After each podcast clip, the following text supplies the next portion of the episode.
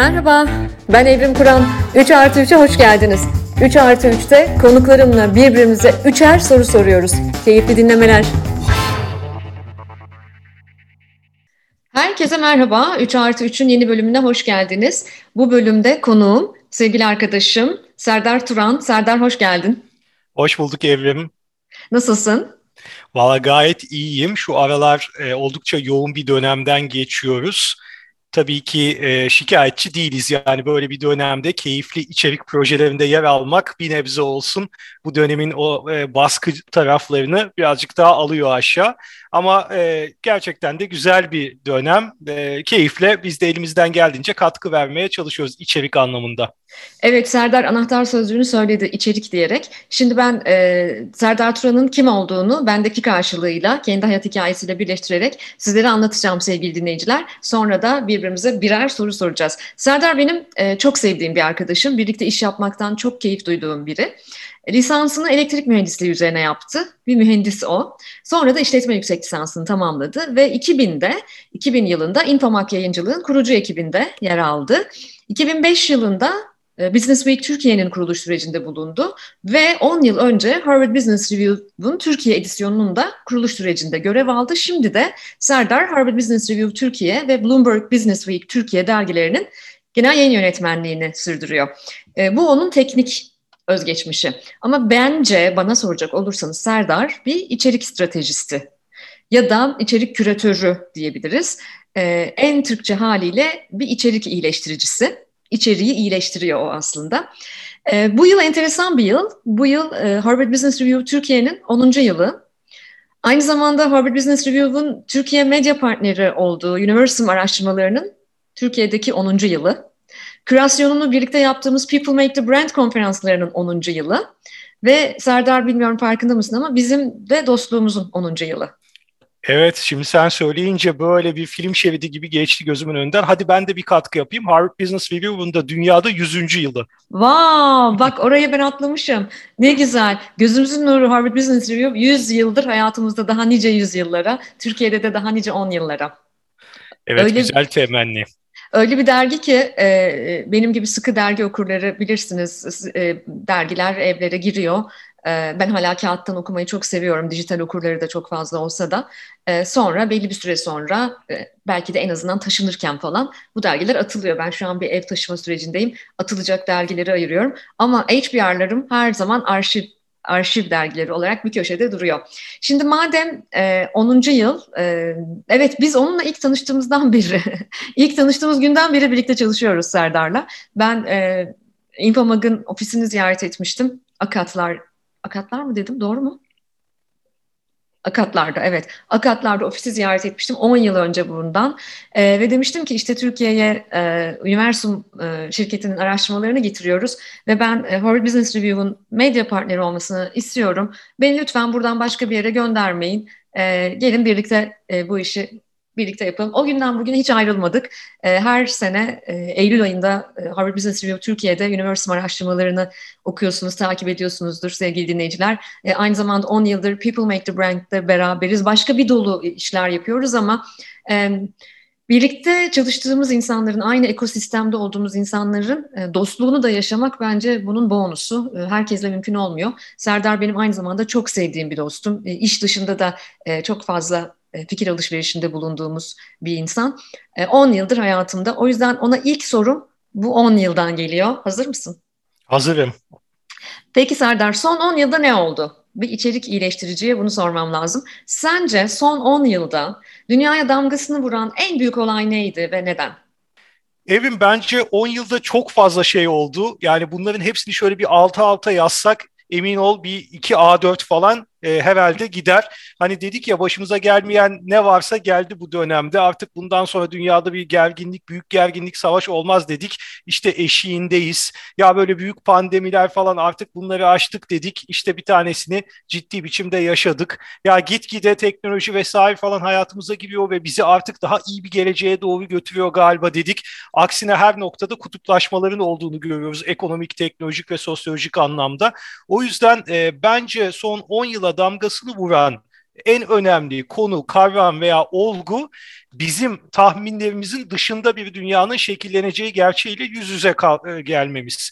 Bunu bir kuşak araştırmacısı olarak sen de ciddi biçimde hissediyorsundur diye düşünüyorum. Çünkü e, şöyle bir baktığımızda genç kuşaklara onların hayal ettiği mekanizmaların, onların hayal ettiği dünyanın, onların hayal ettiği gidişatın o kadar da e, hızlı ve güçlü bir şekilde mümkün olamayacağını onların da gördüğünü ve bir sıkışmışlık içerisinde, bir e, baskı hissiyatı içerisinde bir donma refleksi gösterdiklerini geçenlerde konuşuyorduk sevgili Akan Abdullah'yla. E, gerçekten de bu doğru. Yani özetle e, bugüne kadar bildiğimiz formüllerin çok fazla işlemediği, bugüne kadar bizi buraya getiren mekanizmaların bizi en az bu kadar daha ileriye götüremediği, doğru bildiğimiz şeylerin o kadar da doğru çıkmadığı, belirsizliğin hakim olduğu bir döneme doğru giriyoruz. Bu aslında hem bireyler olarak hem de iş dünyası olarak çok kolay bir durum değil. Çünkü insan beyni sen de davranışsal ekonomi ve davranışsal e, bilimler konusunda meraklısın. Bu konuda bayağı e, okuyorsun, çalışıyorsun. Kendini de e, bayağı geliştirdiğini düşünüyorum bu konuda. E, ama hani günün sonunda şunu biliyoruz ki beyin artık e, olabildiğince belirli bir alanda, bildiği alanda kalmayı isteyen bir organ. Fakat şu anda karşı karşıya kaldığımız resim tamamen belirsizliğin hakim olduğu bir yapı. Ve belirsizliği yönetmek falan gibi kavramlardan bahsediyoruz. Onun öncesinde belirsizliği kabul etmek ve kucaklamanın aslı olduğu bir dünyaya doğru giriyoruz.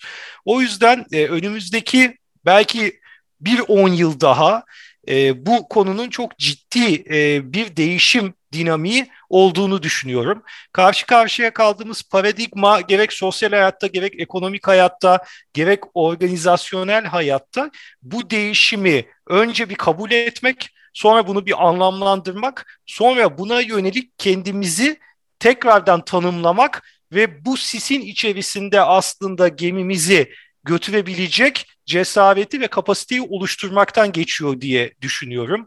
Artık böyle geçenlerde yönetim kurullarıyla yönelik bir etkinlikte konuşurken e, yönetim kurulu üyeleri, başkanları, CEO'lar vesaire onların olduğu bir toplulukta hep şu konuşuluyordu.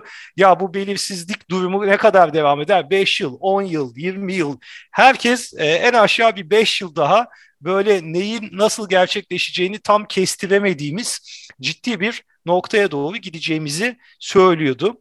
E, dedim ya Evrim 100. yılı Harvard Business Review'un diye merak ettim. İlk sayıya baktım. E, yanılmıyorsam Ekim 2000 e, Ekim 1922 sayı. Şimdi Ekim 1922 sayısının içindekilerine baktığımda tabii o dönemin ruhuna uygun birkaç tane konu var. İşte mesela e, un değirmenlerini nasıl daha etkin hale getirebiliriz diye bir makale var. Veyahut da demir yollarını daha rekabetçi kılmak için ne yapmak lazım diye bir makale var. Ee, ama bunun yanında şu da var. Mesela Amerika'nın dünya ticaretindeki konumu ne olmalı? Veyahut da bankacılık sektöründe yeni bir açılım nereden gelebilir? Veyahut da yeni bir liderlik paradigması oluşturmak için hangi bileşenleri ön plana çıkarmak lazım?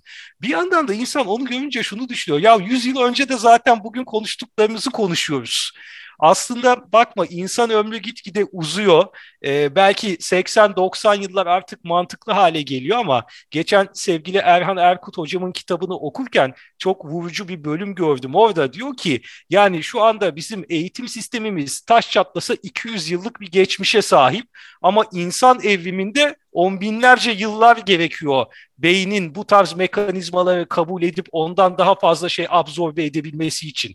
Dolayısıyla aslında biz belki 100 yıllık bir geçmiş içerisinde çok büyük şeyler sığdırmaya, çok büyük dönüşümler yapmaya, 5 yılda 10 yılda bir böyle bir boyut atlayıp uzayın yeni bir tarafını keşfedip yepyeni bir resim oluşturmaya falan çalışıyoruz. Ama aslında o kadar da e, çabuk olmuyor işler. İşte belirsizlik de birazcık bundan kaynaklanıyor diye düşünüyorum. Yani özetle sevgili Evim bence son 10 yılın en önemli olayı artık sissiz deniz yok. Artık hepimiz günlük hayatımızda, profesyonel hayatımızda, aile hayatımızda, bireysel, organizasyonel hayatımızda belirsizliğin içindeyiz. Bunu kucaklayıp bu şekilde hareket etmeyi öğrenmemiz gerekiyor. Vay canına bunu anlatman yani 100 yıl önceki ilk sayıda ilk sayılardaki yazanları anlatman bana yine çok inandığım bir ifadeyi hatırlattı. Tarih tekerrürden ibaret. Yani e, kavramlar yerli yerinde dur, duruyor, altlarındaki icraatler değişiyor sadece. Teknoloji bugün karşımıza metaverse olarak çıkabilir ama bundan 100 yıl önce de buharlı trenin buharı olarak çıkıyordu. Dolayısıyla e, kavramlar pek yer değiştirmiyor galiba. Gerçekten tarih döngüsel, sanırım lineer değil. E, bu vesileyle de sevgili Erhan Hocama, sevgili Akan'a buradan yayından sevgiler evet. gönderiyoruz. Evet, evet, çok güzel bir şey söyledin dedin ya tarih lineer değil diye. Aslında birçok noktada e, yönetim düşüncesinde de büyük tuzaklardan biri bu lineerlik. E, son dönemde biz de çok fazla aslında eksponansiyelliği, ya üstelliği vurguluyoruz. Özellikle teknoloji ve benzeri itici güçlerin olduğu noktalarda artık hiçbir şey lineer değil. Bir de gelecek tasviri lineer değil. Yani şimdi sana desem ki evrim e, bugün A noktasındasın, 5 yıl sonra da B noktasındasın. Bunların arasına e, bir yol haritanı çizsene birçok kişi düz çizgi çizer. Bir A koyar, bir B koyar, hop çizer. Halbuki öyle bir şey yok. Yani o B noktası sürekli değişiyor. B noktasının içinde bulunduğu bağlam değişiyor. 5 yıl öncenin sosyal, ekonomik, teknolojik insani dinamikleriyle 5 yıl sonranınkiler çok farklı oluyor. 5 yıl önce çok anlamlı olan şey 5 yıl sonra hiçbir anlam ifade etmeyebiliyor. Dolayısıyla e, bu lineer düşünce de gerçekten e, insanların e, önemli lanetlerinden bir tanesi gibi geliyor bana. Kesinlikle öyle. Batı'dan almıştık tar- e, tarihin lineer olduğuna dair fikri e, ve tarihin lineer olduğu fikri aslında bize şunu söylüyordu. Yarın bugünden daha iyi gelecek, daha iyi olacak, daha yüksek performanslı olacak. Halbuki döngüsellik bizi bambaşka bir boyuta götürüyor. E, buradan da bu vesileyle İbni Haldun'u da analım o halde. Evet, güzel referanslar oldu. Bak Akan Abdullah'dan İbni Haldun'a geldik. evet, çünkü ben bu yayına dostlarımı davet ettiğimde normalde bir masada oturduğumuzda nasıl konuşuyoruz, neler konuşuyoruz bunlar duyulsun istiyorum. İşte sevgili dostlar Serdar'la ben bir araya geldiğimizde böyle konuşuyoruz. Vallahi bunları konuşuyoruz. Evet. Ve soru sırası sende. Eyvah. Şimdi e, şöyle bir şey. Geçen e, çok soru soran ve çok soru cevaplayan bir dostumla sohbet ederken ya dedi bana e, 100 bin tane soru soruluyor. Kimse nasılsın diye sormuyor. O yüzden sen bana şimdi girizgahta sordun ama ben sana biraz şöyle detaylı bir nasılsın sorusu soracağım. Kısa soru şu Evrim nasılsın? Yani bir girişimci olarak bir göçmen ve geri gelmeye çalışan biri olarak, bir anne olarak, iş dünyasında nitelikli bir şeyler üretmeye kafa yoran biri olarak şu aralar ruh hali nasıl, ruh halini neler etkiliyor ve bunları nasıl yönetiyorsun?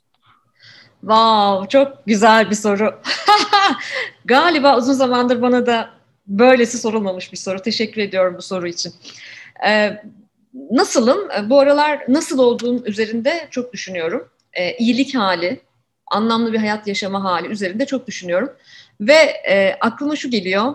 Halil Cibran geliyor aklıma. Halil Cibran şey demişti. Büyük insanın iki kalbi vardır. Biri kanar, öbürü dayanır. Ee, benim de bu aralar iki ülke arasında mekik dokuyan biri olarak, bir girişimci olarak, bir göçmen kadın olarak, bir anne olarak, bir birey olarak e, en az iki tane kalbim olduğunu düşünüyorum. Biri sürekli kanıyor. E, ne bileyim işte birkaç gündür neden biz e, Avrupa'dan çöp ithal ediyoruz diye düşünüyorum. Sonra neden e, biz doktorlarımızı dünyaya ihraç ediyoruz diye düşünüyorum. E, bunlara mesela kalbim kanıyor. E, bir taraftan da dayanmaya çalışıyorum. E, özellikle de e, kaliteli içerikle dayanmaya çalışıyorum. E, arındırmaya, durultmaya çalışıyorum her bir taraftan yağın e, kirli bilgileri, kirli duyguları, çok toksik bir ortamda olduğumuzu düşünüyorum ve bu toksik ortamın coğrafyası da yok. Coğrafya tanımayan, sınır tanımayan bir toksiklik, bir inadına vasatlığa doğru gittiğimizi düşünüyorum. Yani ben bunu e, şu anda bu yayını Kuzey Amerika kıtasından gerçekleştiriyorum. E, buradayken de, dünyanın bu tarafındayken de böyle olduğunu hissediyorum. E, Orta Doğu coğrafyasındayken de böyle olduğunu hissediyorum. Ama dayanmaya çalışıyorum. Nasıl dayanmaya çalışıyorum? Bir kere yeter dedikçe sabır demeye çalışıyorum. Endişe ettikçe tevekkül etmeye çalışıyorum. Bunlar benim için önemli kavramlar. E, bazen hezeyan içinde buluyorum kendimi. Bu aralar biraz daha fazla hezeyan içindeyim. Hezeyan içine girdikçe tefekkür etmeye çalışıyorum. Yani aslında e, ilimle bilimi birbiriyle eşleştirmeye, birbirine karmaya, birbirinin içine sokmaya çok çalışıyorum. Ve elbette korkuyorum. Birinci soruya cevaben verdiğin e, bilgilerde olduğu gibi bu kadar belirsizlik içerisinde yaşarken yetkinliklerimiz ne olursa olsun kaynaklarımız ne olursa olsun hepimiz korkuyoruz ve korkmak insanca. Ee, yani korktuğumuzu da itiraf etmek lazım. Kırılgan olabiliyoruz zaman zaman. Ama işte korktukça daha fazla savaşır buluyorum mesela kendimi. Ee, bir yin yang durumu var galiba Serdar. Hepsini dengelemeye çalışıyorum. Bazen içim küsüyor mesela. E, küstükçe daha fazla öğrenmeye çalışıyorum. O yüzden e, bazen içim kara kış, bir tarafım böyle deli bahar. Böyle olduğunu düşünüyorum.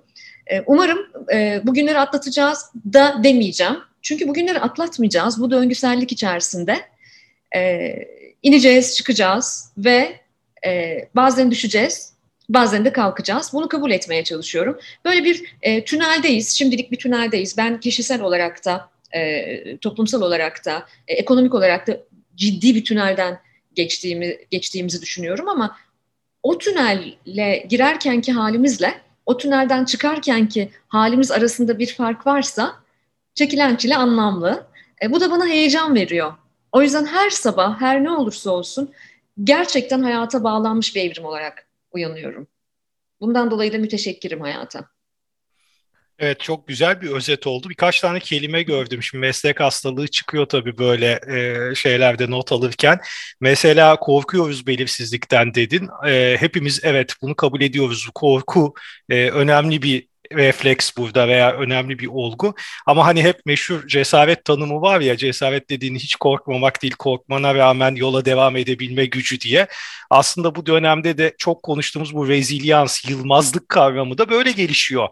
Ee, yine birini analım hadi burada. Sevgili Acar Hoca, Acar Baltaş e, bir sohbetimiz sırasında şey demişti. Öyle rezilyans oturduğun yerde gelişmez. Nasıl ki oturduğun yerde göbeğin yok olup yerine six pack gelmiyorsa e, rezilyans da öyle gelmiyor. Yani bunu aynı spor salonunda önce o göbeği eritip sonra oraya kasları dizmek için uğraşman gerektiği gibi uğraşacaksın. E, bırakın çocukları demişti hatta düşsünler kalksınlar tekrar yola gitsinler bu kadar çocukların e, yolunu açmaya gayret etmeyin diye. Gerçekten de böyle dönemlerde gelişiyor yani baktığında. E, ve e, ve cesaret e, James Dethert diye bir hoca var. University of Virginia Darden e, Business School'da. Onun bir kitabı var e, cesaret üzerine e, iş dünyasındaki cesareti tabii şey yapıyor. Şimdi sen söyleyince aklıma geldi. E, cesareti e, formüle ederken diyor üç şeye dikkat edin. Bunlardan bir tanesi bağlamı bilin. Yani know your context. Neyin içindesin, ne kaynakların ne, elinde ne var, karşında kim var, e, nasıl bir ortam içerisindesin, o ortamın dinamikleri neler bir buna bakın diyor. İkincisi pick your battles yani savaşlarınızı seçin diyor. Böyle her gördüğünüz şeye atlamayın. İşte her sizi duelloya davet edene e, eyvallah demeyin. E, kazanacağınız savaşlar, e, kazanamayacağınız savaşlar, işte komuta edeceğiniz savaşlar, e, nefer olarak gireceğiniz savaşlar bunların hepsi farklı olgular. Bunları böyle bir tek çerçeveye oturtmayın diyor. Ve üçüncüsü de en önemlisi e, duyguları yönetin. Manage emotions. Çünkü aslında cesaretin önemli bir kısmı kendinizin ve etrafınızdaki etrafınızdaki kişilerin duygusal durumlarını anlamak ve onları etkili biçimde yönetebilmek. Şimdi baksana yani sosyal hayatta bireysel olarak düşün, e, organizasyonel olarak düşün ne kadar uyuyor değil mi? Yani kurumlar içerisinde ne yapacağız? Mesela e, ben şeyi hatırlıyorum. E, ilk bu pandemi çıktığında Harvard Business School'da bir tane webinar yapıldı. İşte Harvard mezunları ve e, hasbelkader benim gibi e, bu ekosistemin içerisinde yer alan birkaç şanslı insanın katılabildiği bir seminerdi ve üç hoca vardı orada. İşte kimdi bunlar? Bir tanesi Robert S. Kaplan, Balance Scorecard'ın mucidi. Bir tanesi Dutch Leonard, e, değişim yönetimi çalışan çok değerli bir hoca. Bir tanesi de saygı, sevgi e, seviyemizin çok yüksek olduğu, diğerlerine de öyle ama buna bir tık daha yüksek oldu. Amy Edmondson. O da e, bence son dönemin en önemli kavramlarından biri psikolojik güvenlik kavramının e, yaratıcı annesi diyelim. E, bu üç hoca vardı ve işte 1400 tane falan e, Harvard mezunu bekliyor böyle hocalardan. E, böyle bir framework versinler, işte bir formül versinler de şu Covid'i nasıl geçireceğiz bize söylesinler. Hocalar çıktı ve ilk söyledikleri şey şu dedi. Vallahi hiçbir şey bilmiyoruz.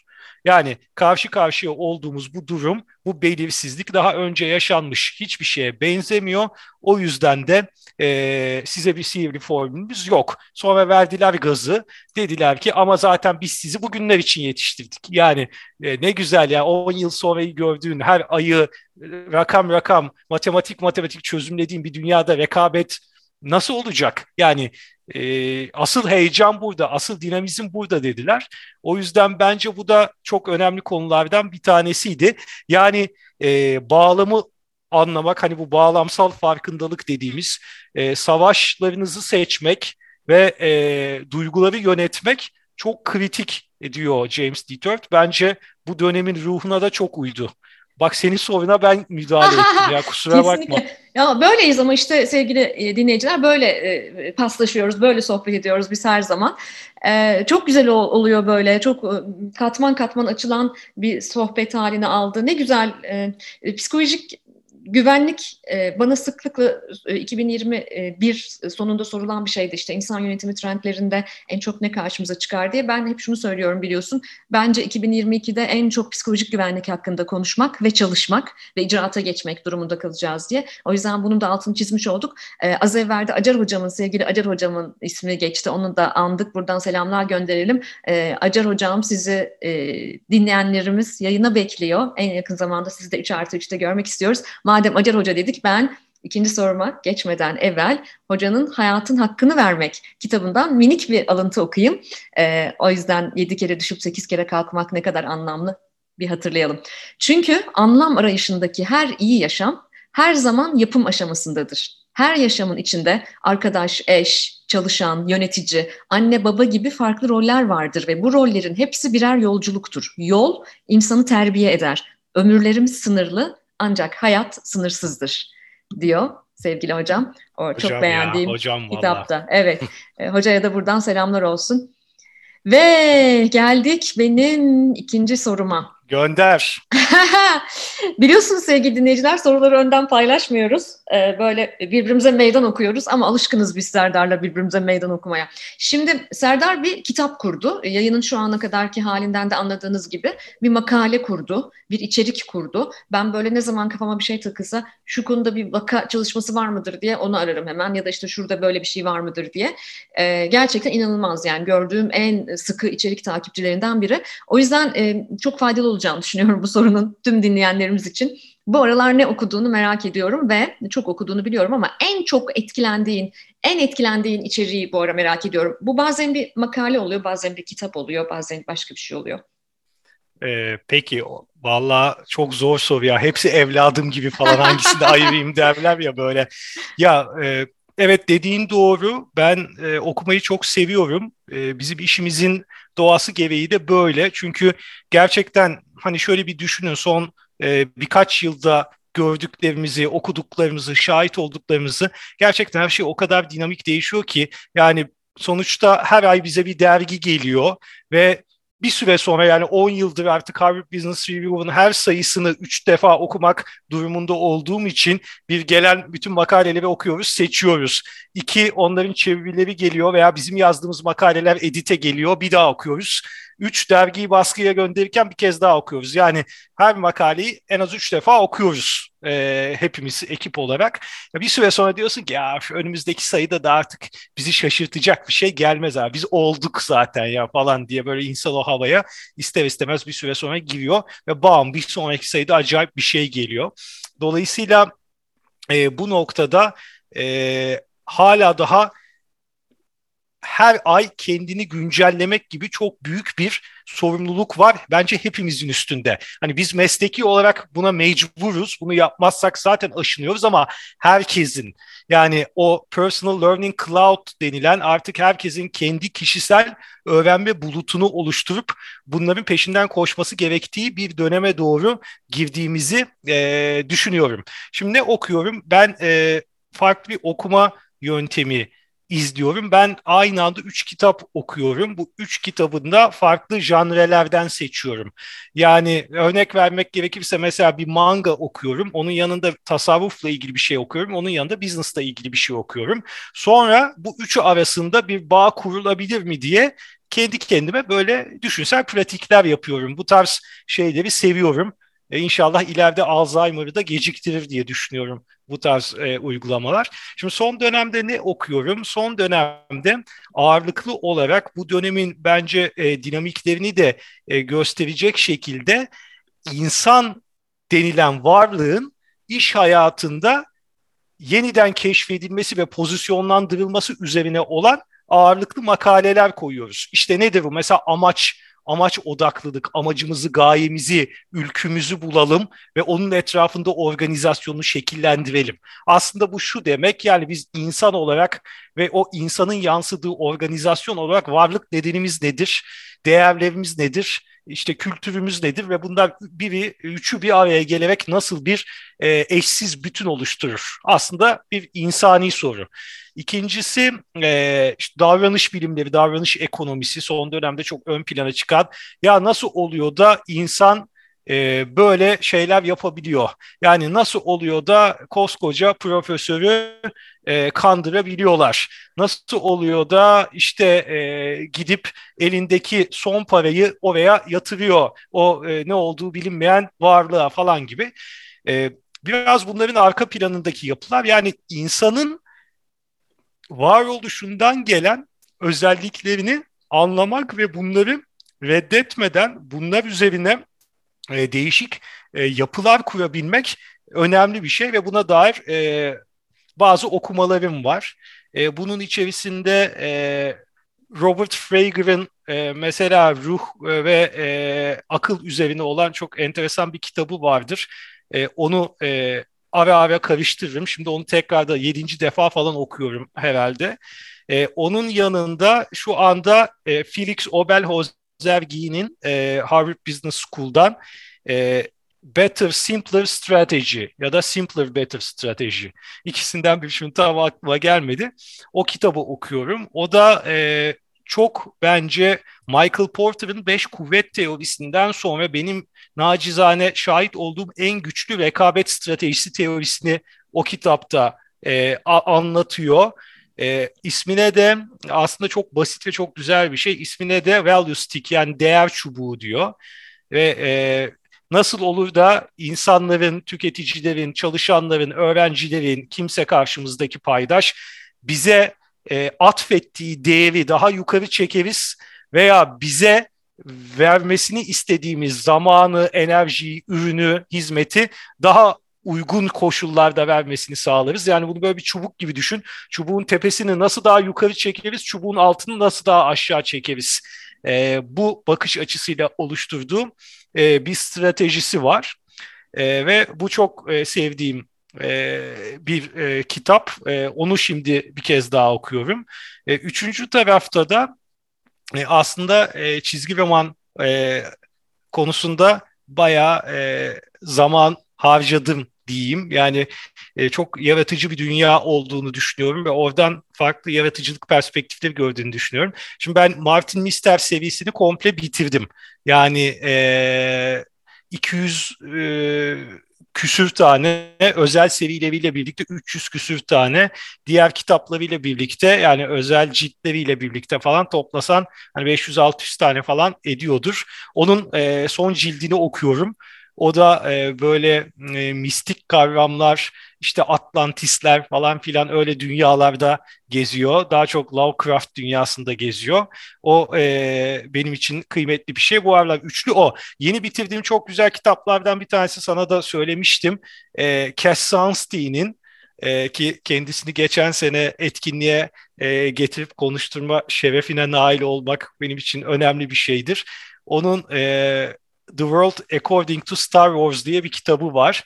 E, aslında e, Star Wars e, hayvanlığı işte çocuğunun ittirmesiyle oluyor ve sonra o dünyayı e, zaten çok güçlü bir hukukçu, ekonomist ve davranış bilimcidir. O üç perspektiften yorumladığı muazzam bir şey var. Yani gerçekten çok enteresan kitaplardan bir tanesidir e, ve insana bir framework verir yani düşünsel anlamda ve bir bakarsın işte George Lucas'ın e, şeyiyle e, Star Wars'daki bazı kurguları tesadüfen mi yaptığı yoksa bilerek mi yaptığı falan gibi böyle acayip tartışmalar falan olur içinde. O sevdiğim kitaplardan bir tanesi. Şimdi neyi bekletiyorum? Bir de benim böyle bekleyenler şeyi var, sıra bekleyenler e, kitaplar e, listesi var. E, Uber Jolie'nin e, bir kitabı var. Uber Jolie e, Best Buy'ın eski CEO'su. Şimdi Harvard Business School'da ders veriyor. Hani Best Buy e, bizdeki büyük elektronik mağazalar gibi düşünün. Ama Amerika'ya yolu düşen mutlaka görmüştür. Çoğu böyle şehrin içinde bile olsa böyle karanlık köhne falan böyle mavi e, gö- şeyli tişörtlü satış temsilcilerinin oldu ama sen de hiç ilgilenmediği bir kişinin dükkanı açıp kapayıp her şeyle ilgilenmeye çalıştığı falan bir şeydir. Ve ölmeye e, yüz tutmuş bir business olarak hep nitelenir. Ama Uber Jolie e, gelip oraya o işi bırak ölmekten kurtarıp müthiş karlı hale getirip yepyeni bir e, modele e, entegre etmiştir. Ve e, o da bu son dönemin en önemli transformasyonlarından biri olarak gösterir. Onun The Heart of Business diye bir kitabı var. Alt metni de kapitalizmin yeni dönemine döneminde liderlerin sahip olması gereken özellikler diye. O bence çok güzel kitaplardan bir tanesidir. Ha bu arada fanatik Lovecraft hayranıyımdır. Bütün romanlarını, bütün e, öykülerini hepsini okumuşumdur. E, biraz fantastik korku sevenlere tavsiye ederim.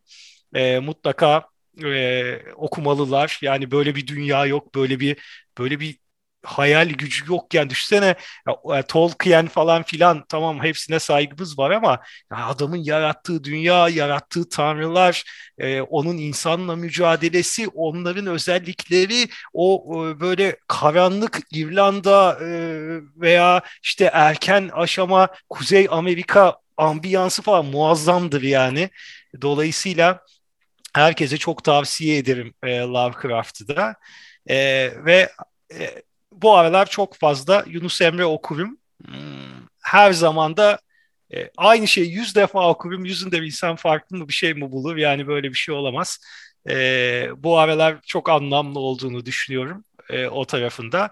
Ben de böyle. E, bir de biliyorsun bilgisayar oynarım ben. E, e, en sonunda e, hani şey teorisini ispat etmeye çalışıyorum. Erkekler hiçbir zaman 15 yaşın üstüne büyümezler diye gerçekten de e, şaka bir yana orada da müthiş bir hikaye anlatıcılığı, müthiş bir evren yaratımı ve müthiş bir e, aslında narrative arc dediğimiz hikayeyi karakterlerle bütünleşip akıtma dinamiği vardır. Yani içerik konusunda meraklı herkesi e, AAA yani e, büyük bütçeli blockbuster oyunları oynamaya e, teşvik ediyorum. E, mutlaka bakın bir Last of Us 2 oynamayan birinin e, bir hikayenin içinde nasıl kaybolabileceğini veyahut da e, ne bileyim son dönemlerde işte Elden Ring çok e, ön planda e, onu oynamayan birinin e, mistik bir ortamda e, bir macerayının nasıl kurgulanacağını falan hayal etmesi çok zor. E, bu taraflarda var. Yine bekleyen kitaplarından bir tanesini daha söyleyeyim.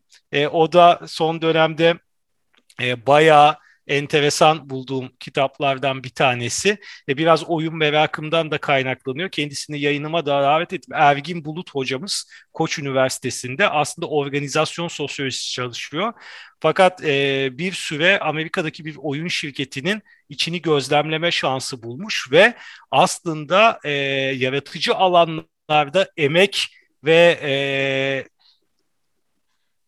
oradaki mekanizmaların nasıl çatıştığına yönelik çok güzel tespitlerinin olduğu bir e, kitabı var. E, e, yanılmıyorsam e, yeni e, çıktı kitapta. Onu da tavsiye ederim. E, böyle yani kitap sorarsan sabaha kadar anlatırım sana. Ama e, unuttuğum kitaplar varsa özür diliyorum onlardan. Sevgili dinleyenler duyduğunuz gibi e, bir içerik iyileştiricisi olmak kolay değil. Arkasında kan ter gözyaşı var. Gerçekten çok okuyan bir az bile saydı.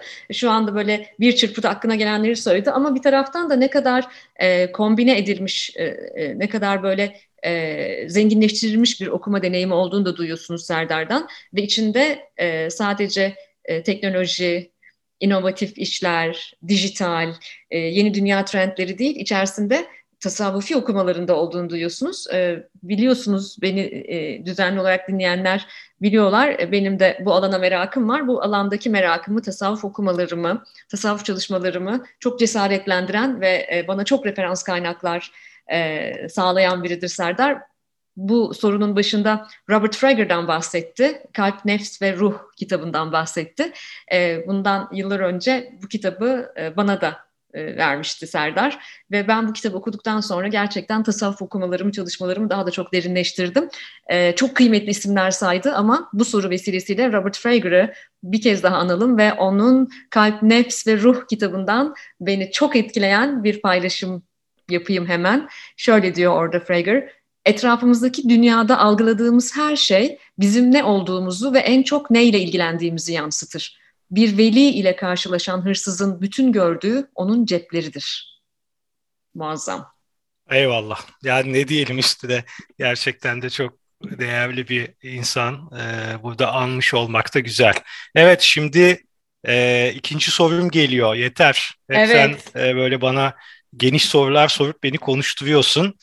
Şimdi Evrim son iki yılda biz HBR olarak bir konunun üzerine çok gidiyoruz. Ve e, ne kadar gitsek de az olduğunu düşünüyoruz. Bu da aslında çeşitlilik, kapsayıcılık ve hakkaniyet konusu. Eğer ki yeni bir sistem kuracaksak, mevcut sistemi beğenmiyorsak ya radikal biçimde iyileştirecek ya da yepyeni bir sistemin temellerini atacaksak en önemli temel taşlarından birinin bu olması gerektiğini düşünüyoruz. Ancak hani bu konudaki henüz daha bilincin bunca zaman, bunca çalışmaya rağmen emekleme aşamasında olduğunu düşünüyoruz. Bu konuda senin fikrini merak ediyorum. Çeşitlilik, kapsayıcılık ve hakkaniyet kavramını sen nasıl görüyorsun? Ve özellikle senin ekosisteminde belki bir alt parantez açarsak mesela yeni kuşaklar, gençler bu konuda ne bilinçte, ne bakış açısıyla, ne beklentiyle geliyor? Evet, çok e, güzel bir soru. Bir de beni son yıllarda en çok heyecanlandıran başlık biliyorsun. Çeşitlilik, kapsayıcılık ve hakkaniyet. Hatta öyle ki e, benim de son, e, özellikle son iki yıldır, iki üç yıldır bu alanda çok daha derin çalışmalar yapma fırsatım oldu. Bunu kendi yolculuğumla birleştirerek bugün nereye geldiğimizi ve nasıl gördüğümü anlatmaya çalışacağım bir kere çeşitlilik adı üzerinde birbirine benzemezlerin bir arada bulunabileceği e, toplumsal ve örgütsel ortamlar kurgulamak ve birbirine benzemezlerin kararlara ve yaşama aktif katılımının sağlanabileceği sistemler kurmak ve bunları sadece eşitlikçi bir biçimde değil, hakkaniyetli yani adil bir biçimde yani dezavantajlılarla avantajlı gruplara aynı kaynakları sunarak değil, dezavantajlı gruplara daha fazla kaynak sunarak eşitliği sağlayabilme ülküsüyle tasarlanan e, bir yöntem. Şimdi ben e, 22 yıl oldu, e, 2000 yılından bu yana jenerasyon araştırmaları, kuşak çalışmaları yapıyorum biliyorsun ve e, aslında kuşak çalışmak yani kuşak e, kuşakları çalışmak e, yaş ve yaşadığı dönem itibariyle e, jenerasyonel e, sistem itibariyle birbirine benzemezlerin bir arada nasıl yaşayabileceğine ışık tutmaya e, gayret eden bir bilim bir bir e, araştırma dalı. Ama ben bundan 20 küsur yıl önce bu işleri yapmaya başladığımda bunun bir çeşitlilik unsuru olduğunu e, anlatabilme lüksüm bile yoktu. Önce kuşakları anlatmam gerekiyordu ve biliyorsun en az 10 yıl sadece kuşak kuşak kuşak kuşak dedim. Çünkü kuşağın ne olduğunu bile ve niye e, hayatımızda önemli olduğunu yani zamanın ruhunu okumanın birbirimize benzemememizin ne demek olduğunu zamanın ruhu itibariyle e, pek fazla insan e, kavramak e, niyetinde değildi. Fakat ikinci on yıl benim için daha keyifli geldi. Çünkü artık ikinci on yılda ageizmden yani yaş ayrımcılığından bahsedebilme lüksüm oldu. Evet kuşaklar var ama hiçbir kuşağı güzellemek veya hiçbir kuşağı lanetlemek gibi bir amacımız yok. Amacımız yaş ayrımcılığına karşı olmak her türlü ayrımcılığa karşı olmak. Yani sen gençsin biraz daha bekle, sen yaşlısın bir ayağın çukurda demeden e, her bir dönemin insanını onurlandırmak sistem içerisinde. Dolayısıyla e, kuşakları çalışa çalışa çalışa çalışa geldik e, çeşitlilik konusuna. Sonra son dönemde Serdar, son birkaç yıldır da artık çeşitlilik konusunda tamamız anladık. İşte e, farklı e, segmentler var. İş dünyasında, müşteri dünyasında, çalışan dünyasında.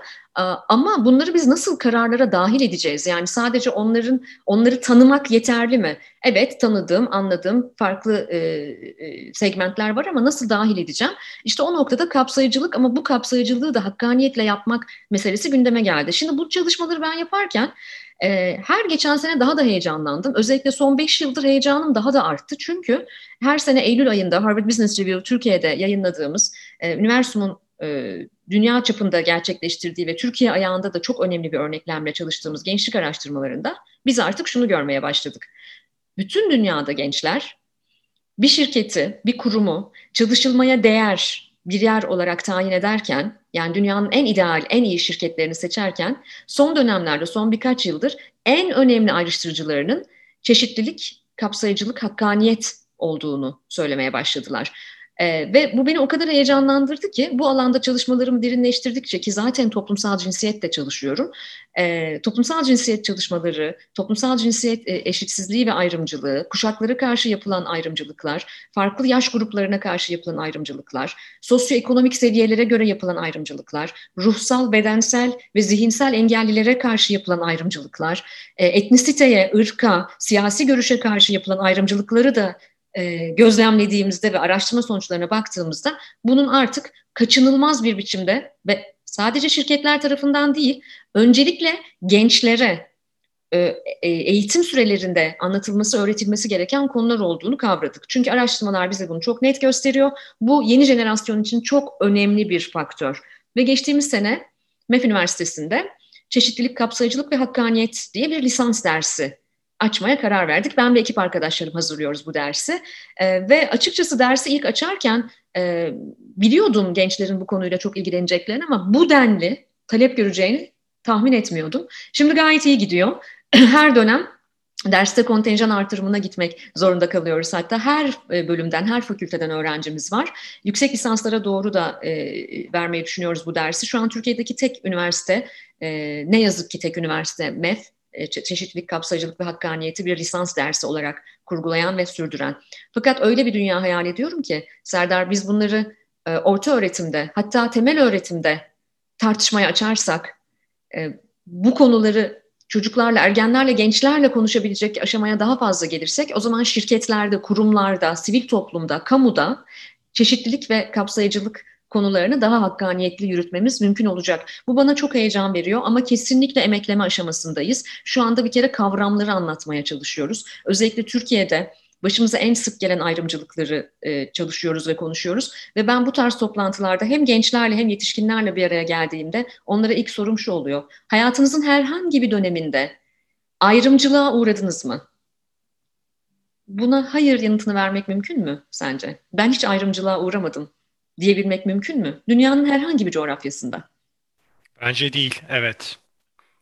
Bence de değil. Hem de çok steril ortamlarda bu soruyu sormama rağmen, çok steril ortamlarda bile, örneğin mültecilerle yapılan bir çalışmalarda değil, LGBTİ plus e, e, gruplarıyla yapılan çalışmalarda değil, e, belli ırklarla yapılan çalışmalarda değil sadece. Çok steril ortamlarda, çok avantajlı gruplarla yaptığım çalışmalarda da bu soruyu sorduğumda katılımcıların yüzde yüzü evet ben de hayatımın bir döneminde ayrımcılığa uğradım diyor. O halde önce ayrımcılığın ne olduğunu, nasıl dilde başladığını, sonra neden kapsayıcılığın gerektiğini ve e, nasıl bunu hakkaniyetli bir şekilde yönetebileceğimizi yüksek sesle dile getirerek, konuşarak, tartışarak, medyada, içeriklerde, e, konferanslarda, toplantılarda ve tabii ki müfredatta, derslerde, okullarda yer vererek e, bu yolda bebek adımlarından daha yetişkin adımları atmaya devam edeceğimizi düşünüyorum.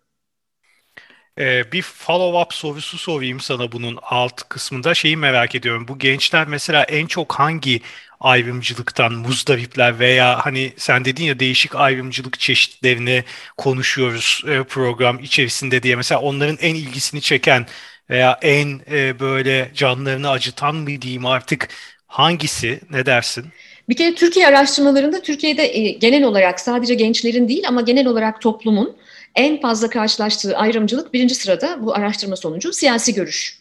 E, siyasi görüşe yönelik ayrımcılıklar, sonra etnisite e, ve din, din e, geliyor. Ama e, bizim gençlerle yaptığımız çalışmalarda gençlerin çok hassas olduğunu tespit ettiğim ve odaklandığımız dört temel konu var. Biri ageism, yaş ayrımcılığı. Yani senin e, daha 40 fırın ekmek yemen lazım, sen daha çok gençsin, senin daha bu şirkette bir yerlere gelebilmen için şöyle şöyle yapman lazım veya sen sus sen ne bilirsin ki veya yaşlılara karşı yapılan ayrımcılıklar gibi yaş ayrımcılığından çok muzdaripler. Bir diğeri e, tabii ki toplumsal cinsiyet. Toplumsal cinsiyet ayrımcılığı, e, toplumsal cinsiyetle ilgili yapılan ayrımcılıklar sadece ayrımcılık yapılan bireyi rahatsız etmiyor Serdar. Bu e, bence son derece önemli.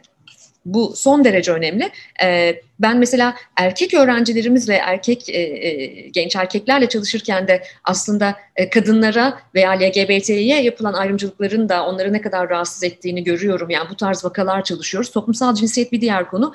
Bir başkası klasizm yani toplumsal sınıflarla ilgili ayrımcılıklar. Biliyorsun Serdar'cığım Türkiye'de çok fazla başımıza geliyor. İstihdamda da çok fazla başımıza geliyor. Evet sadece şanslı, avantajlı grupların istihdam edildiği pek çok işe alım sistemleri var hala. Örneğin en basit örneğiyle. Bir diğeri de ableism, Türkçe'ye sağlamcılık diye çevrildi. Bedensel, zihinsel ve ruhsal farklılıkları olanlara karşı dilde yapılan ayrımcılıklar. Bu dördünün Türkiye'de çok temel konular olduğunu düşünüyorum. Ama tabii Amerika'ya gidersek, e, örneğin Amerika Birleşik Devletleri'ne gidersek birinci sırada ırkçılık göreceğiz. E, örneğin Kanada'ya gelirsek e, birinci sırada göçmenlere karşı yapılan ayrımcılıklar olduğunu görebiliriz. Bu biraz toplumdan topluma değişiyor. Evet ama yani gerçekten yaş dedin, toplumsal cinsiyet dedin, sınıf dedin ve ableizm dedin. Çok önemli konular bunlar ve bunların her birinde gerçekten de yapılacak çok şey var. Evet, kesinlikle öyle. Ee, ama çok heyecan verici bir taraftan da ne kadar çok yapılacak iş var. Kollarımızı sıvayıp buraya giriştiğimizde ne kadar çok yapılması gereken şey var. Bunları görüyoruz ve en güzeli de ne biliyor musun? Bireyden topluma doğru gitmesi gereken bir hal. Yani Doğru. en küçük en küçük birimden, aileden, e, bireyden, aileden en çekirdek toplumun en çekirdek biriminden başlayarak e, dalga dalga yayılması gereken bir hal. E, bunun için çok önemsiyorum. Bunun büyük bir neferi olduğumu da düşünüyorum. Hem e, bir gençlik araştırmacısı, kuşak araştırmacısı olarak hem de bir feminist olarak e, her türlü ayrımcılığa karşı çıkmanın, bir göçmen olarak her türlü ayrımcılığa karşı çıkmanın e, yaşam ülkülerimden biri olduğunu da söylemek isterim. Ve Süper. Ve sıra bende. Son sorumu soruyorum. Zaman su gibi akıyor. Efendim son soruma geldim. Serdar, e, son zamanlarda, son dönemlerde çok dikkatimi çeken bir hal var. Pandemiyle beraber iyice dijital ortamlara e, itildikçe, çekildikçe diyeyim, e, bu biraz daha fazla popüler olmaya başladı ve ben biliyorsun popüler olan şeyden biraz korkarım. Çok fazla insan içerik üstadı olmak istiyor. İçerik üstadı diyorum. E, bu çünkü e, kolay yutulacak bir lokma değil. Bu ne demek? Çok fazla insan kitap yazmak istiyor. Çok fazla insan dergilerde yazmak istiyor. Çok fazla insan konferanslarda konuşmak istiyor. Ve tabii ki eminim ve e, çok iyi biliyorum ki sana da e, bir içerik stratejisti olarak çok fazla talep geliyor. Ne düşünüyorsun bu konuda ve ne önerirsin? İçerik içerik üreterek yaşamını kazanmak isteyenlere ne önerirsin? O kadar kolay mı bu? Yani bir, bir şey söyle arkadaşım. E, bu e, yaşanmadan fark etmeyecek konulardan bir tanesi. E, hem sanat hem bilim denilen e, bazı yaklaşımlar vardır ya, onların en böyle haslarından bir tanesi.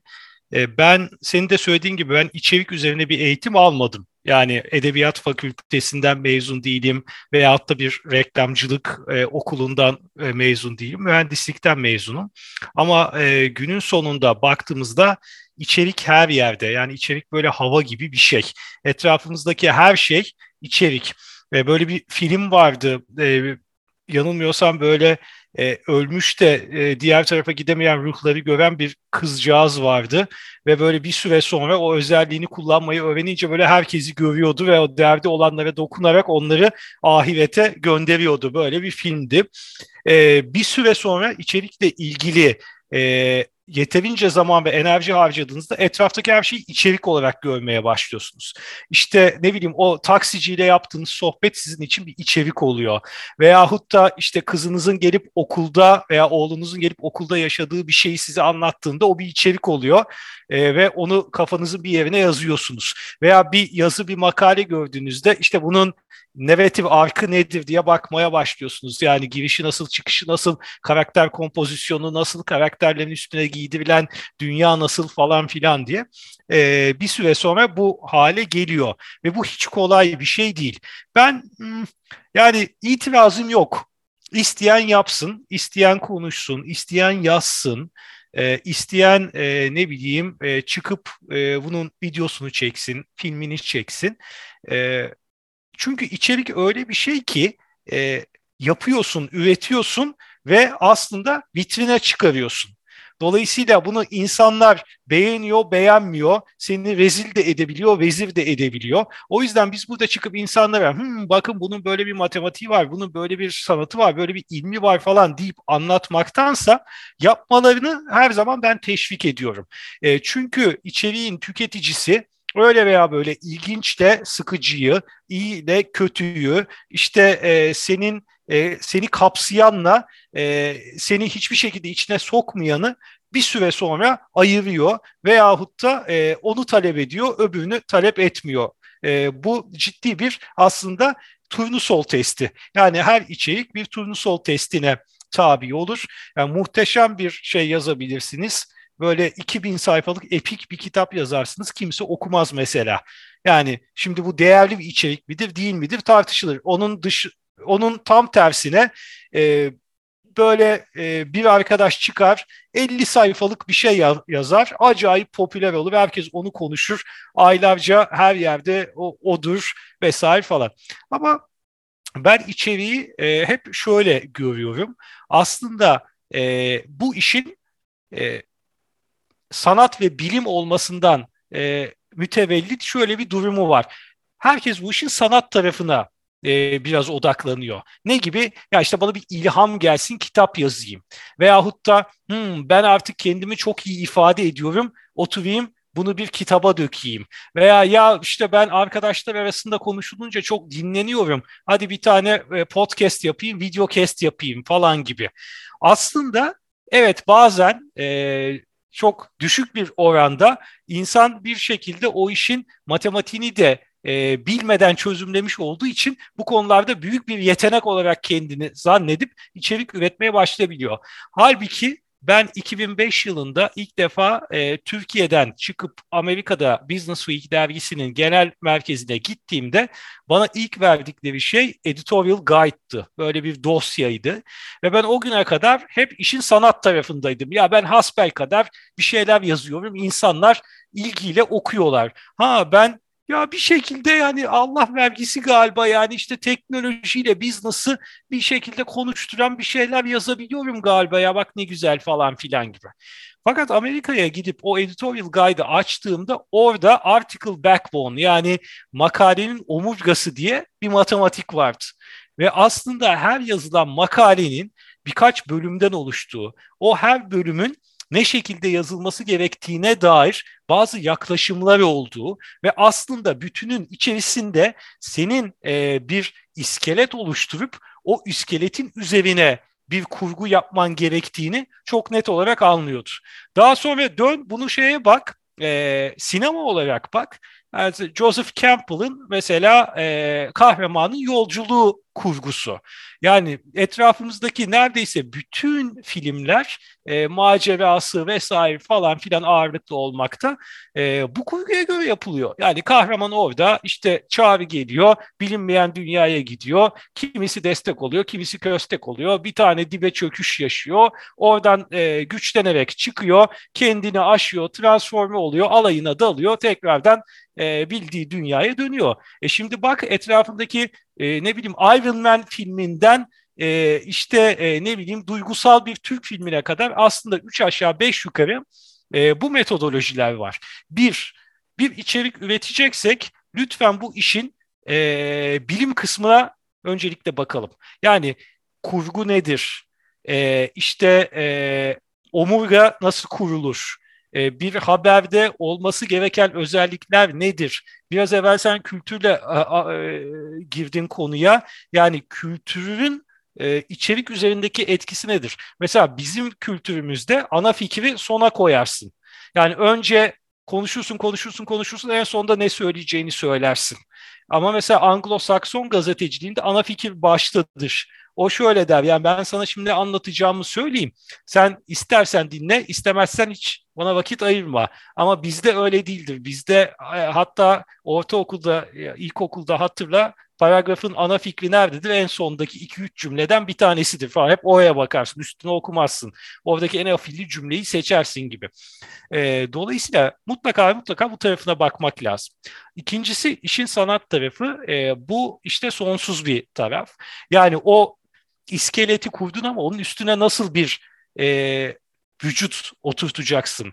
O vücudun e, boyu ne olacak, posu ne olacak, işte saçı ne olacak, gözü ne olacak?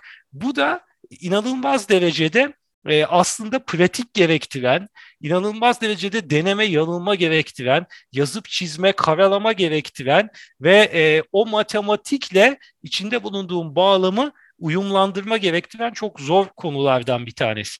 Ve e, bu evet bazı insanlarda e, daha erken aşamada, bazı insanlarda daha geç aşamada oluyor ama sanki bir kovanın dolması gerekiyor bunun için evrim. Yani yaşanmışlıklarla, e, ne bileyim, e, o güne kadar okuduğun kitapların çeşitliliğiyle, sayısıyla, o güne kadar şahit olduğun iş dünyasındaki deneyimlerle, e, sen işte göç ve göçmenlik üzerine bir kitap yazdın. Yani oturduğun yerden, hayatında İstanbul'dan çıkmamış biri olsa, olsan, yani bu kitabı yazsan, oradaki lezzet, oradaki o e, ses tonu dediğimiz tone of voice, oradaki o işte e, örnekler, bakış açısı ayrı olur. Bunu bir fiil yaşamakta olan biri olarak Kanada'ya gittiğinde o insanın sana gözünü devirmesi, işte o e, devlet kurumunda işinin bir günde değil de üç günde bitmesi bunların hepsi sana ayrı bir e, içgörü katıyor. Ve içgörü çok değerli bir şeydir. Yani içgörü aslında e, datanın, bilginin üzerindeki yaldızı kazıdığında ortaya çıkan gerçek özdür. Bu da e, ya çok iyi gözlemcilikle ya yaşayarak ya başkalarının e, deneyimlerini çok dinleyip onun üzerine kafa yorarak elde edilen yapılardan bir tanesidir. Dolayısıyla ben bu tarafını da çok önemsiyorum. E, bu e, dedim ya böyle bir kovanın dolması gibi bir şey sanki. Ya yani bir yaşanmışlıktan sonra böyle eksponansiyel olarak bir patlama e, olabiliyor veyahut da e, belli başlı içgörüleri artık hayata aldıktan ve anlamlandırdıktan sonra onları daha iyi anlatabiliyorsun. E, Shakespeare'i düşün. Yani e, Shakespeare dünyada yazılacak ne janre varsa hepsini yazmış. Yani dram yazmış, komedi yazmış, o zamana göre bilim kurgu yazmış. Hamletler'de, Otello'larda e, ne bileyim yani kadın erkek ilişkisi yazmış, e, güç yazmış, kraliyet yazmış, ne varsa yazmış yani. Zaten onun üstüne koyacak bir şey kalmamış baktığında. Ama hani o, o bağlamla, o söylemle muhteşem bir bütünleşmesi var. E, yine e, burada baktığımızda işte e, ne bileyim Mesnevi'yi açıyorsun, içerisindeki hikayelere bakıyorsun e, yani soğan kabuğu gibi derler ya her dönem kabuğun bir tanesini açıyorsun yeni bir kabuk bir tanesini açıyorsun ya öze varana kadar aslında her kabuk sana içinde bulunduğun anlamı e, bağlamı anlamlandırıyor. Bu tarz muhteşem e, çalışmalar var. Hani elbette hani mesneviye işin sanatı biliminin üstüne bir de ilhamını e, koymak lazım tabii konuşurken haşa. Ama hani günün sonunda e, baktığımızda muazzam bir e, çaba bu. Çaba. Yani sana şöyle söyleyeyim oturup iki sayfalık bir haberi yazmak için günlerce boğuştuğun olabilir. Veya 15 dakikada da yazabilirsin. Ne kadar hazırlıklı, ne kadar onun içinde yaşaya gitmediğim, görmediğim bir basın toplantısını bir saatte yazarım. Basın bülteninden oradan buradan araştırarak ama gidip oradaki CEO'nun e, heyecanını gördüğünde veya söylediği şeylere aslında çok da inanmadığını yüz ifadesinden, mimiklerinden gördüğünde pat sana o haberin hemen arkı çıkar. Yani bunun gibi e, bir süreç, kolay bir süreç değil. İnsanlar e, yapmasın mı? Yapsınlar. E, ortaya koysunlar. E, zaman, okuyucu ve e, aslında birazcık da bağlam değerlendirsin. Çünkü içerik böyle bir şey. Eğer bir şey gerçekten değerli ve zamansızsa hala daha bugün Shakespeare konuşuruz. İşte biz purpose, purpose falan filan konuşurken zaten üstadlar onu 1200 yıl önce yani ilim ilim bilmektir, ilim kendin ilim kendin bilmektir diye söylemiş işte self awareness, contextual awareness onun üzerine e, bilim veyahut da işte e, inovasyon konuşuyoruz. Yeni şeyler söylemek lazım. E, demiş üstadlar zamanında veya işte insanı keşfetmek, human centered organization'lardan veya human experience'dan konuşuyoruz. Ee, yine zamanında işte ayan nedir, pinhan nedir, nişan nedir şimdi bildim demiş insan insan e, derler idi diye yola çıkan e, değerli üstadlar.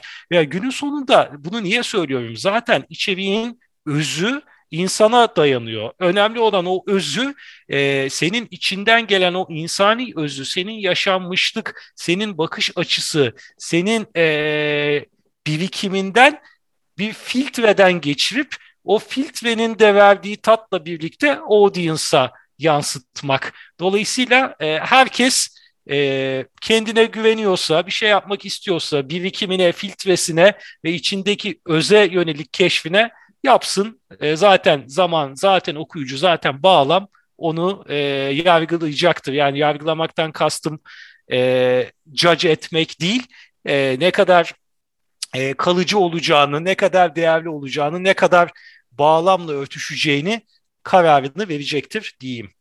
Çok güzel, çok güzel özetledin. Ee, çok heyecan verici e, bir cevap da bu benim için. Çünkü e, bir taraftan da şöyle düşünüyorum sen bunu anlatırken, işte demek tam da bu yüzden bazı e, bazı içerikleri okuyoruz ve atıyoruz e, ve belki de hiçbir şey hatırlamıyoruz bile.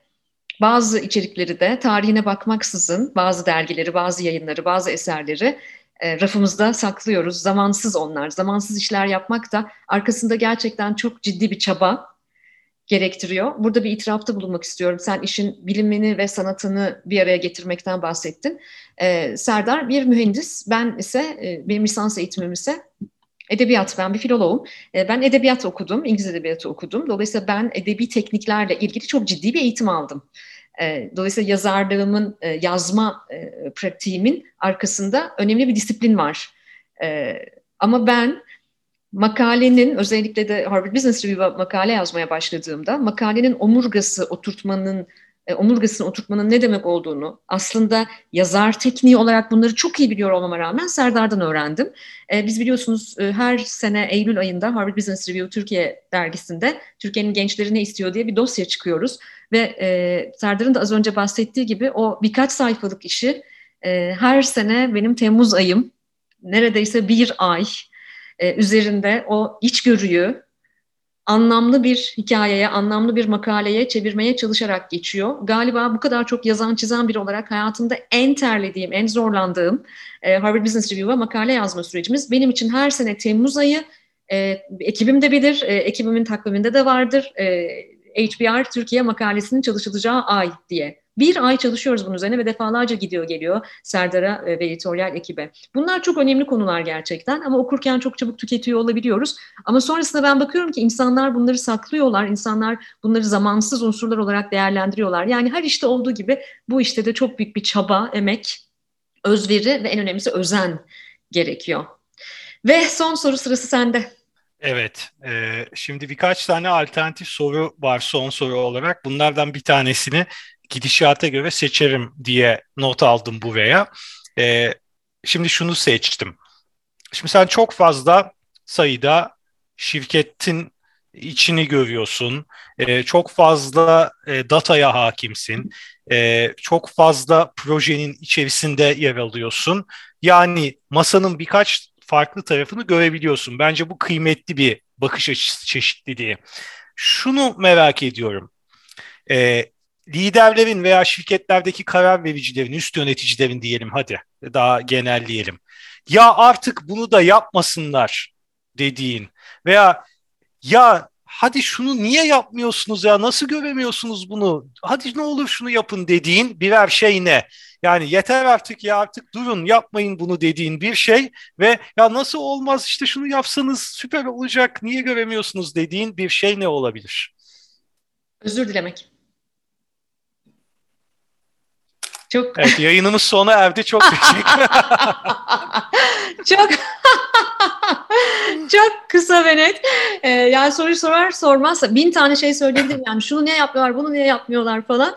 Ee, ama evet ben Türkiye'de e, çok şanslıyım ki çok fazla organizasyonla hemen her sektörde pek çok muteber kurumla e, yerli yabancı çalışma fırsatına sahip oldum son 20 yılda ama e, en e, gelişmemiş kasımız e, en tepe yönetimde e, türlü karar vericileri dahil ederek. Çünkü bu bir belirsizlikler dünyası.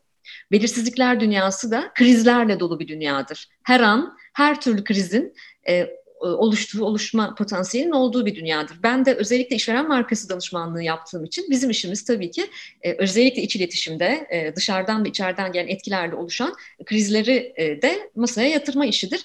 Ben kırılgan liderliğin hala batıdaki etkisini Türkiye'de göstermediğini düşünüyorum. Biliyorsun bu da Serdar son zamanlarda çok üzerinde durduğumuz bir konu. İnsan olma ortak faydasının en belirgin teması. İnsan kırılgan bir varlık cinsiyetinin ne olduğu fark etmeksizin ve kırılganlığın açılımı da ne? E, ben bir hata yaptım. E, bu hatadan ne öğrendik? Özür dilerim e, müşterimden veya çalışanımdan ve biz bundan ne öğrendik? E, açık yürekliliğini gösterebilmek, başarısızlıkları nasıl başaramadığımızı açıkça ortaya koyabilmek. Ben hala Türkiye'de bu anlamda çok konvansiyonel bir liderlik olduğunu ve hala liderlerin fazlasıyla defansta kaldığını düşünüyorum. Valla Evrim en çok bu özelliğini seviyorum. Gerçekten de e, bir anda birçok şeyi böyle pıt diye bir şeye indirgeyebiliyorsun ya o çok bence değerli bir özellik. E, çoğu kişi herhalde bu soruya bir şunu yapsın bir bunu yapmasın e, diye iki en azından iki tane perspektifi ortaya koyarak cevap verirdi. Sen ikisini tek bir şeye indirgedin. Özür dileseniz ne kadar mükemmel olur. Ya nasıl göremiyorsunuz şu özür dilemenin ne kadar güçlü olduğunu diye. Sahiden bizde yanılmıyorsam 6-7 yıl önce liderler nasıl özür dilemeli diye makale çıktı. Yani e, bu çok önemli çünkü e, hani bu program ne zaman yayınlanacak bilmiyorum ama e, bu kayıt ettiğimiz dönemde bu Oscar'daki tokat olayı vardı biliyorsun. E, evet. E, özür dilesin mi dilemesin mi çıktı. Herkesten özür diledi Will Smith ama e, tokat attığı Chris Rock'tan özür dilemedi. Ertesi gün bir PR e, bülteniyle özür diledi falan. Özür dileme işi bile çorbaya döndü. Yani e, dolayısıyla böyle bir dönemden geçiyoruz. E, ve gerçekten de çok kritik e, bir konu.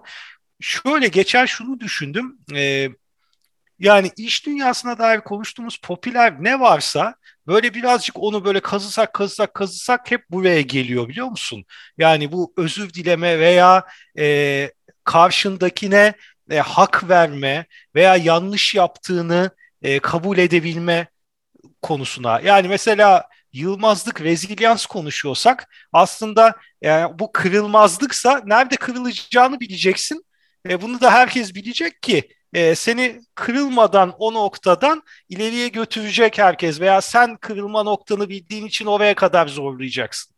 Veya ne bileyim psikolojik güvenlik diyoruz. Psikolojik güvenlik herkesin kendi kendini olabildiğince açık ifade ettiği, işte damgalanmadan, stigmalardan korkmadığı bir kültür diye anlatıyoruz. E burada e, bir hata yapıldığında herkes senin üstüne uçullanıyorsa e, ve bütün sorumluluk sana kalıyorsa, hatayı yapan seni otobüsün altında itiyorsa e, böyle bir kültürde gerçekten e, nasıl psikolojik güvenlik, nasıl inovasyon veya işte e, baktığımızda purpose, amaç, gaye, ülkü konuşuyoruz. E, gerçekten de özünde bu samimiyet yoksa neyin amacının peşinden koşacak insanlar? Senin duvarına yazdığın kocaman e, amacın değil. O yüzden insanın o çıplaklığıyla, yalınlığıyla, otantisitesiyle var olduğu ve kendini o kırılganlığıyla ifade ettiği liderlik tarzı gerçekten de çok ön plana çıkıyor. E, bunun da belki en somut ve bir o kadar da güçlü e, göstergesi ve silahı da evet özür dilemek. Evet. E, bıraksalar yani 3 artı 3 değil 9 artı 9 olsa böyle sabahlara kadar konuşuruz. Ama e, biz zaten 10 yıldır Serdar'la birlikte de içerik üretiyoruz pek çok platformda. Her zaman onunla birlikte çalışmak, birlikte üretmek, yazmak ve en önemlisi de ondan geri bildirim almak benim için çok kıymetli. Hayattaki e, en büyük lükslerimden birinin bu olduğunu düşünüyorum. Bu son 10 yılda gösterdiğin bütün dostluk için, işbirliği için. E, sana çok teşekkür ederim. E, bu vesileyle de bu yayın aracılığıyla da 66 ülkede yüz binlerce insana bunu duyurmak isterim. Serdar'cığım iyi ki geldin yayına. Bize yakışan e, genellikle içeriklerimizi, seninle ürettiğimiz işleri bitirme biçimimizle bize yakışan bir biçimde bitirmek istedim. E, madem az evvel Muhyiddin Abdal'dan bahsettik, Muhyiddin Abdal'ı anarak o halde bitirelim. İnsan insan derler idi. İnsan nedir? Şimdi bildim. Can can deyu söylerlerdi. Ben can nedir? Şimdi bildim. Bütün bu yaptığımız stratejik çalışmaların arkasında insan nedir onu bilme motivasyonu var. Bu motivasyonu benimle paylaştığın için, her zaman neşeme, derdime ortak olduğun için sana ne kadar teşekkür etsem az. İyi ki geldin. Evrim çok teşekkür ederim bu güzel sözlerin için. İyi ki davet ettin. İyi ki böyle bir fırsatı e, tekrardan tanıdın bana. E, hani yol kavramından bahsettin. Hepimiz yolda yürüyoruz zaten. E, ne mutlu ki yolda birlikte yürüdüğümüz kişiler e, ve senin gibi dostlarımız da bu yolda birlikte yürüyor olmak yolun bizi götürdüğü noktayı daha anlamlı, yolun kendisini daha anlamlı kılıyor. Ee, sağ ol, var ol, iyi ki varsın.